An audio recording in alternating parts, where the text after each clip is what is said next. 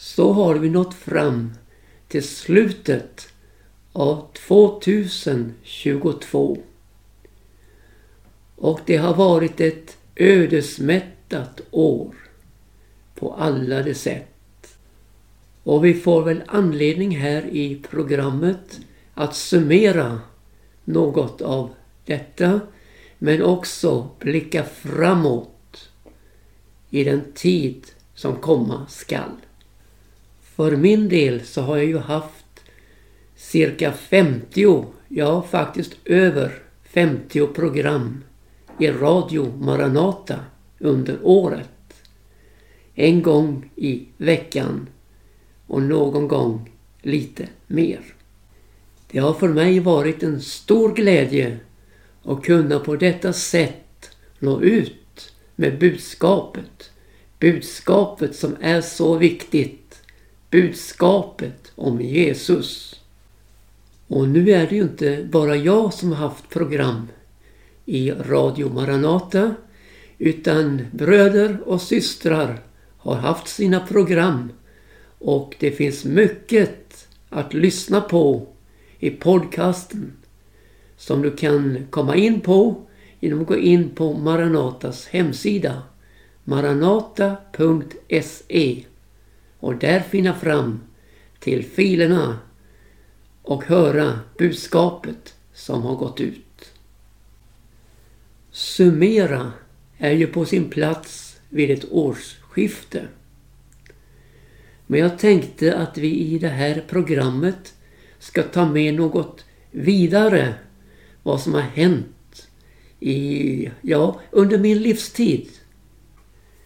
Min fru, hon är krigsbarn. Hon har varit med om att eh, söka skydd i skyddsrum under Nikolajs kyrka i Köpenhamn. Där fanns ett skyddsrum och när larmet gick så fick hennes föräldrar dra ner med full fart dit med henne. Jag för min del är ju efterkrigsbarn och har alltså inte upplevt dessa drastiska förhållanden som riktigt liten. Min barndom och min ungdomstid präglades av optimism. Det skulle bli bättre och bättre framöver. Och i denna optimism fanns en bakgrund i svåra förhållanden. Så människorna tänkte väl så här. Det kan inte bli värre. Det måste väl ändå bli bättre. Men det skulle inte gå så värst länge innan optimismens klarblå himmel skulle förmörkas av moln, orosmoln i horisonten. För var kriget ett avslutat kapitel eller skulle det komma mer? Ja, upprustningen skenar iväg. Den ene ville övergå den andra. Och så fick vi det kalla kriget som var så nära att övergå i ett varmt krig i stridigheter. Jag minns Kubakrisen 1962 som var så nära att övergå i stridigheter mellan stormakterna. Men ser du, det fanns en Gud i himmelen som höll detta tillbaka. Ja, när sedan, ja långt senare, den ena stormakten föll bort och den andra var ensam kvar. Då tänkte vi i vår optimism. Nu är det fred, ingen fara. Men så står vi ju här med år 2022 och ser att denna optimism inte var hållbar. I dessa fruktansvärda lidanden människor tvingas genomgå i krigets fasor, ja, där får optimismen sin knäck. Men så har vi också detta märkliga att människor som inte direkt berörs lever i en sorglöshet och tänker som så, det här, det kommer aldrig att drabba mig. Men Bibeln, den varnar för denna sorglöshet. För det sitter så här att bäst är säga allt står väl till och ingen fara är på färde. Då kommer plötsligt fördärv över dem som födslovåndan över en havande kvinna och det skall förvisso icke kunna undkomma. Jo visst, man rustar upp på olika områden. Man ser till i första hand och lägga pengarna på militära resurser. Men vi märker ju sårbarheten för det blir aldrig som man tänkt. Och så saknar man den andliga beredskapen. Just det här att överlämna sitt liv åt Jesus Kristus. Ja, överlämna hela sitt liv fullt och helt i hans mäktiga händer. Och då har man kommit in i denna trygghet i honom. Vare sig liv eller död så hör vi honom till. Och jag vill verkligen till dig min käre lyssnare poängtera hur viktigt det är att leva i Jesu försoning. Hur viktigt det är att ha kontakt med Gud genom Jesus Kristus. Hur viktigt det är att ha liv i Gud. För då behöver vi inte lita på den ohållbara optimismen. Och behöver ej heller blev nedslagna av den förtvivlande pessimismen. Utan vi får ha vår blick riktad på Jesus Kristus. Uppleva, halleluja, hans omsorg för oss i det som komma skall. Och nu vill jag spela för dig en inspelning från sent 60-tal. Ske din vilja med mitt liv. Vi lyssnar.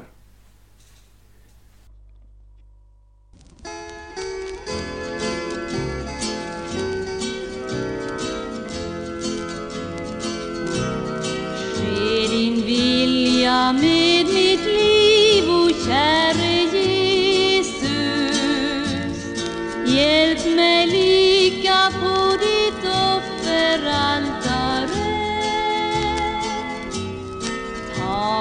Tag ande svaga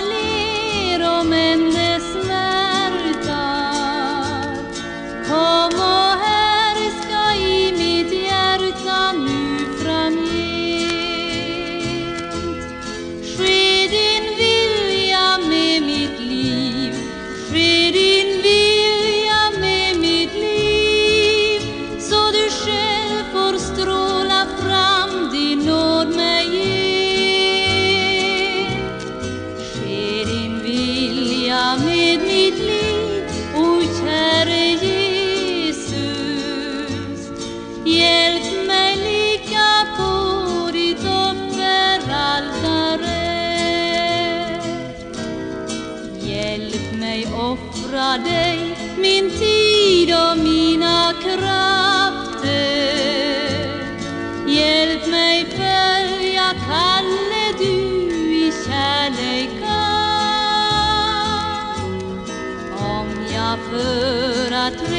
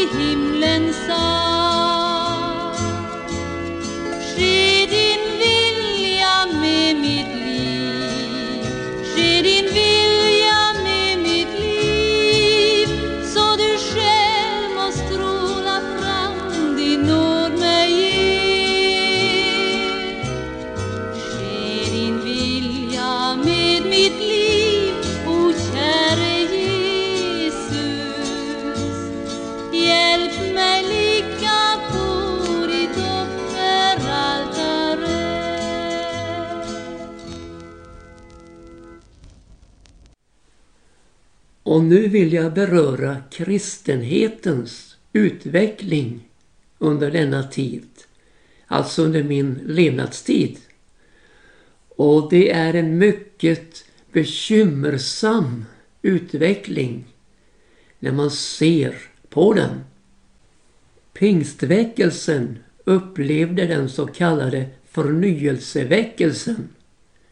En väckelse där många fick möta Gud med en klar profetisk framtoning.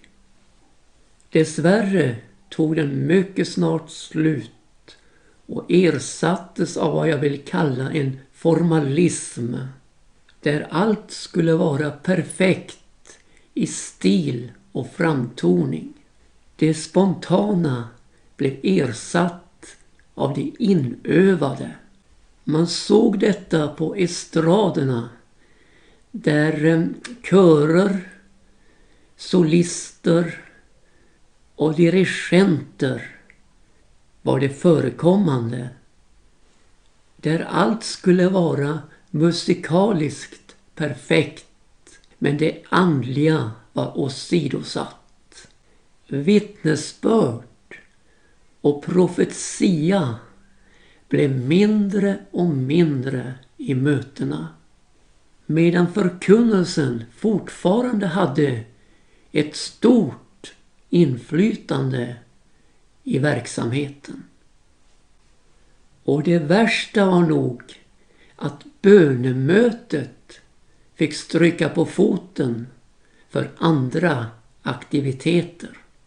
Själv hade jag upplevt och blev döpt i den helige ande på en ungdomsvecka i pingstväckelsen. Och vi bad till midnatt som vi hade lov att göra. Och med knapp nöd så klarade vi ut och gå till sängs. För bönen hade så gripit fatt i våra unga hjärtan att det hade blivit melodin i våra liv. Och så kom man hem till den lilla församlingen på Öland. Och här fanns fortfarande ett aktivt böneliv. Men så flyttade jag då i mina unga dagar som 16-åring till en Kalmar, till den stora pingstförsamlingen. Och till min stora förundring så var jag den enda ungdomen som var med på bönemötet. Ja, någon enda gång någon annan. Och så ordnar man till med sångövning på samma tid som bönemötet. Och vad skulle jag då välja som ville vara med på båda? Ja, jag valde naturligtvis bönemötet. Men det märkliga var med Guds ledning då i mitt liv att jag fick ingen ingång bland ungdomarna i pingstförsamlingen där. Jag var med på alla möten. Och jag var den första som kom och den sista som gick. Men ingen, nästan ingen, tog notis om mig i min, ja, ungdom. Och jag har förstått efterpå att det var Guds ledning med mitt liv att det skulle vara så. För jag fick tillfälle, rikliga tillfällen, att vara själv med Gud och söka hans ansikte. Det innebar att när jag gick till skolan på morgonstund så hade jag bön och bibelläsning, tog hem på lunchrasten och läste bibeln, bad till Gud och på kvällen samma sak. Och sedan hade jag då lördag och söndag till förfogande för att söka Gud. Och det var ju helt underbart att Gud ledde mig på den vägen. Så kom Maranataväckelsen i min väg. Och Gud ledde mina steg rakt in i denna förnyelse. Och här visade det sig att jag var visst inte så omöjlig som ungdom likväl. För vi ungdomar i Maranata, vi samlades till bön. Ja, tidigt på lördagarna och höll ut till småtimmarna. Och på söndagarna hade vi väckelsemöte. Och dessa bönemöten på det torp som ställdes till vårt förfogande har betytt så oerhört mycket i våra liv, vi som var med. Ja, äldre människor var också med. Vi var alla generationer. Och vi bad, vi prisade Jesus och vi uppfylldes av helig ande. Det satte inriktningen för resten av våra liv. Men om vi nu säger något om pingstväckelsen i min barndoms dagar så var den oerhört utåtriktad. De hade friluftsmöten, marknadsmöten, ja tältmöten och radioverksamhet då genom Ibra radio. Och där fick man som barn höra förkunnelsen om synd och nåd, höra förkunnelsen om Jesu försoning, höra förkunnelsen om att Jesus ska komma igen. Och dessa väckelsemöten var så oerhört spännande för en liten parvel som mig. Tänk att få vara med i en sådan atmosfär där Jesus blir upphöjd. Där lovsångstonen fyller själ och hjärta. Och inte minst få höra alla dessa predikanter som predikade Guds ord. För Guds ord var ju ledstjärnan för all verksamhet. Ja, Guds ord och bönen var det element i vilket allting rörde sig.